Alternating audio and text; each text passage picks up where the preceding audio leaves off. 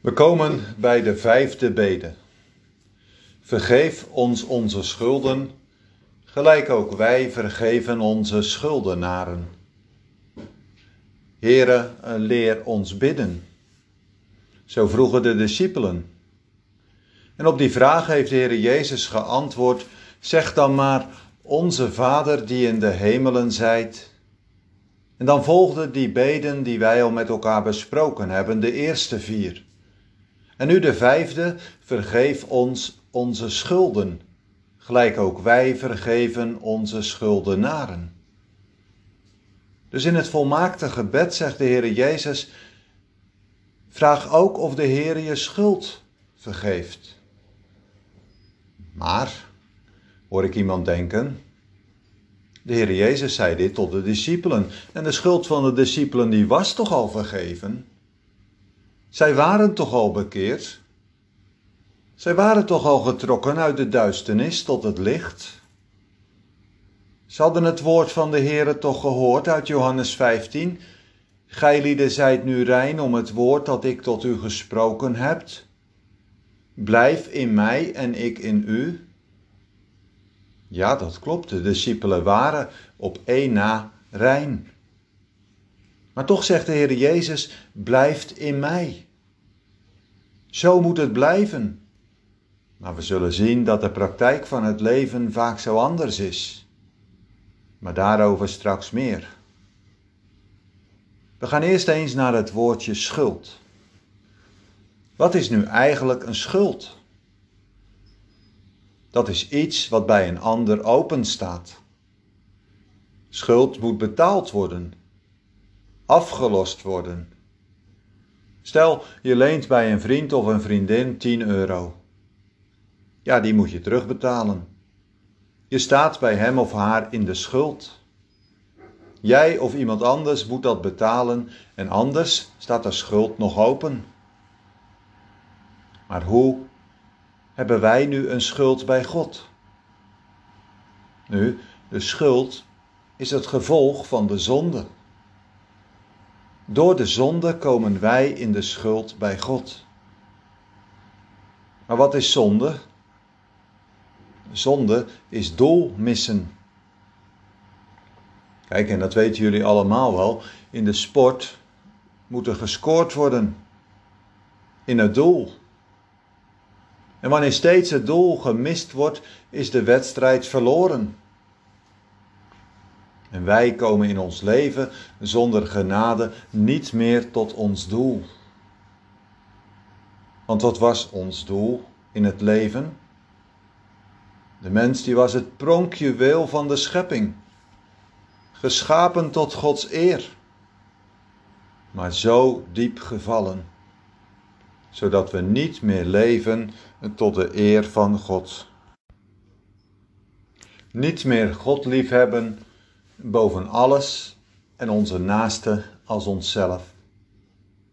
Want weet je nog, dat was de samenvatting van de wet. God liefhebben boven alles. De samenvatting van de eerste vier geboden van de tien.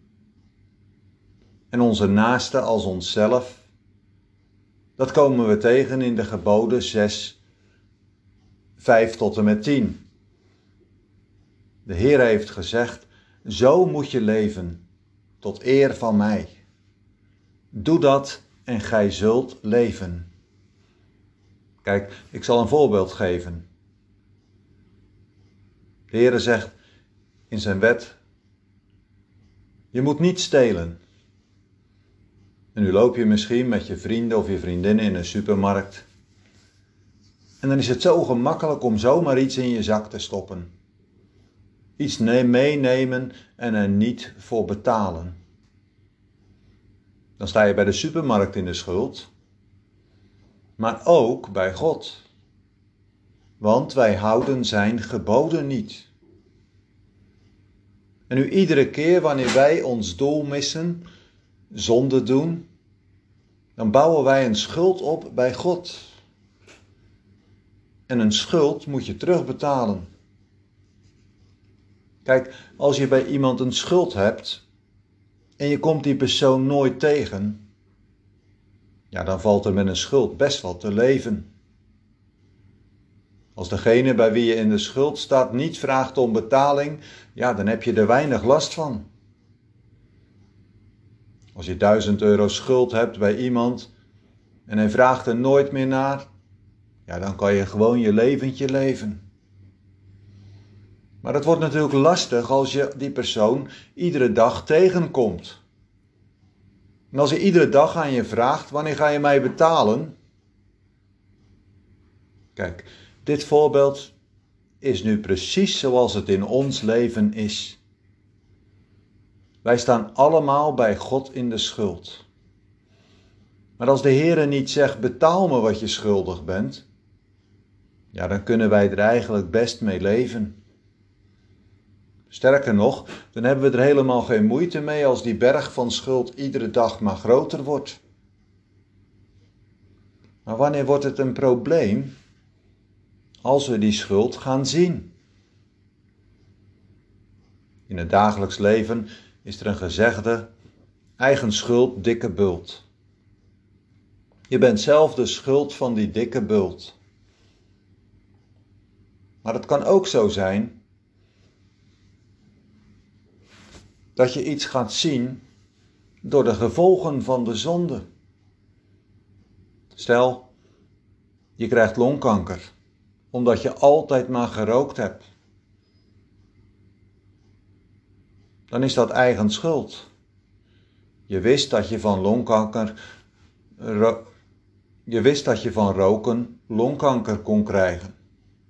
Kijk, dan maken de gevolgen de zonde openbaar. Maar het kan ook zo zijn dat het anders gaat. Dat de Heere de zonde gaat aanwijzen. Denk maar eens aan die geschiedenis van David en Bathseba. Beiden hebben gezondigd door overspel.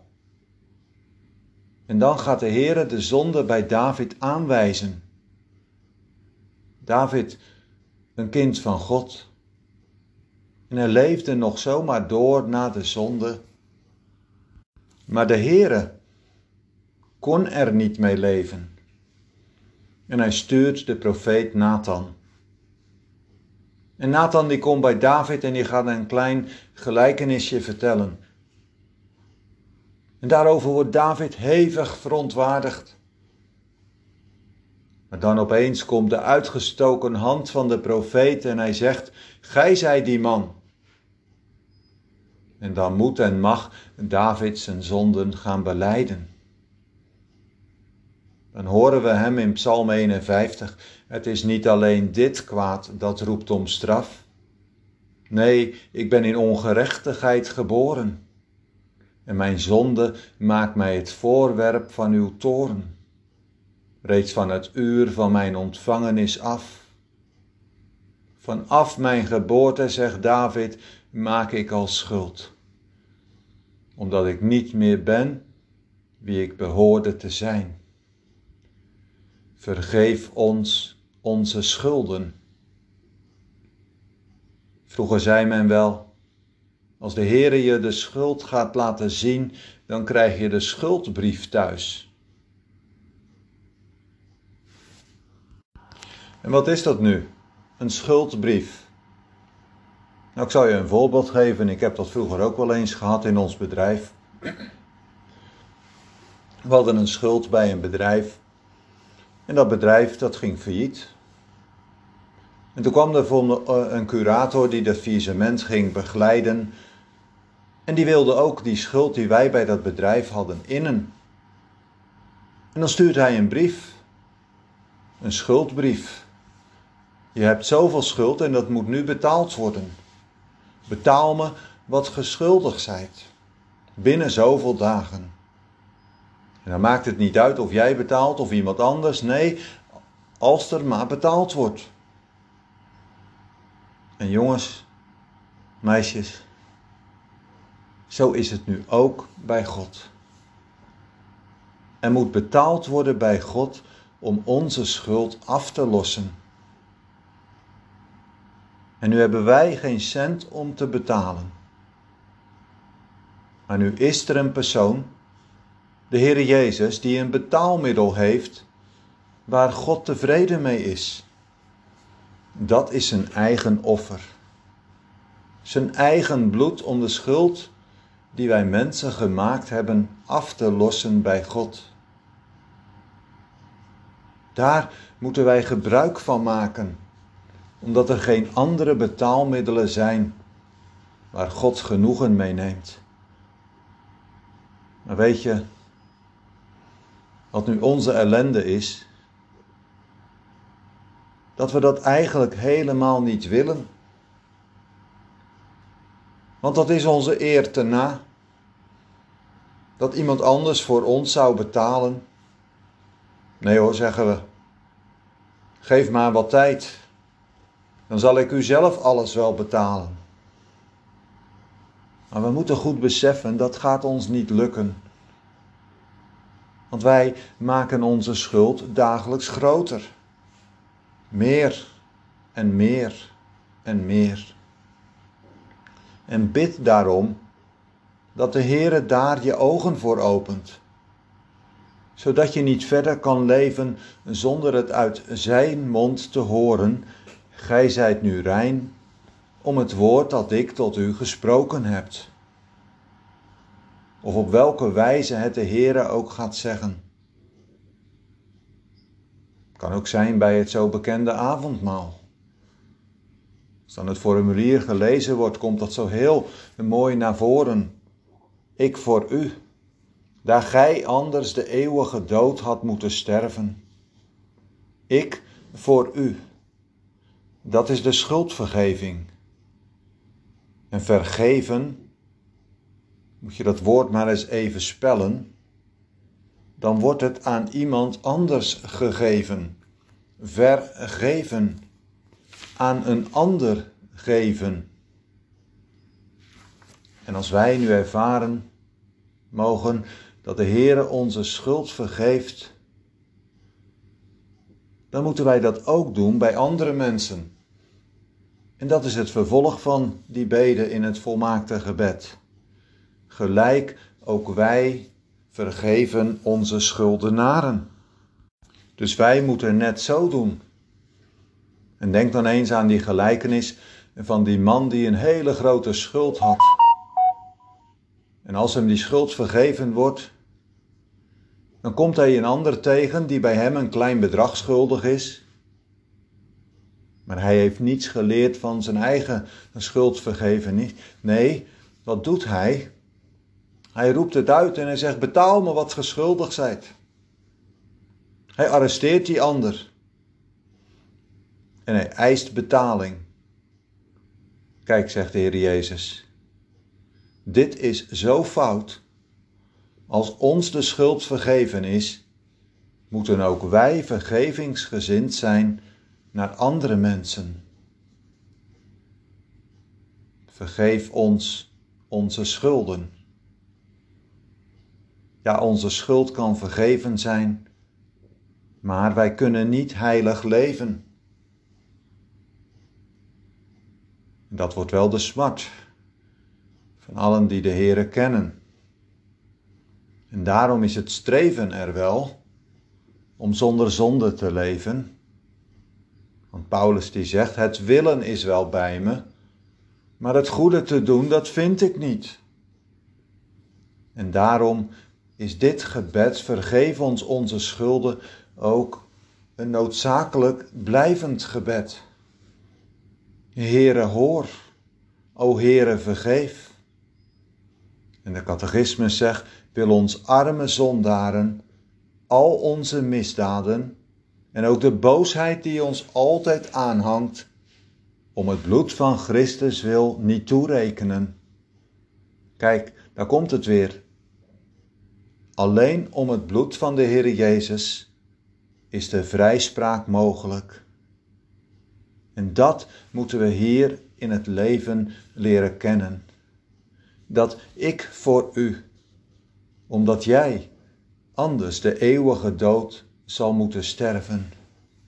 Ja, nog leven we in de genadetijd. Zoek daarom de Heere en leef, voordat die dag aanbreekt wanneer het gaat klinken, betaal me wat geschuldig zijt. En wat vreselijk als er dan geen borg tussen treedt, die het gaat zeggen, Vader, ik heb voor deze zondaar geleden. Ik heb ook voor hem of voor haar mijn bloed gestort. En dan, ja, dan zal het tot eeuwige verwondering zijn. Het is door u, door u alleen, om het eeuwig welbehagen. Tot zover de vijfde bede.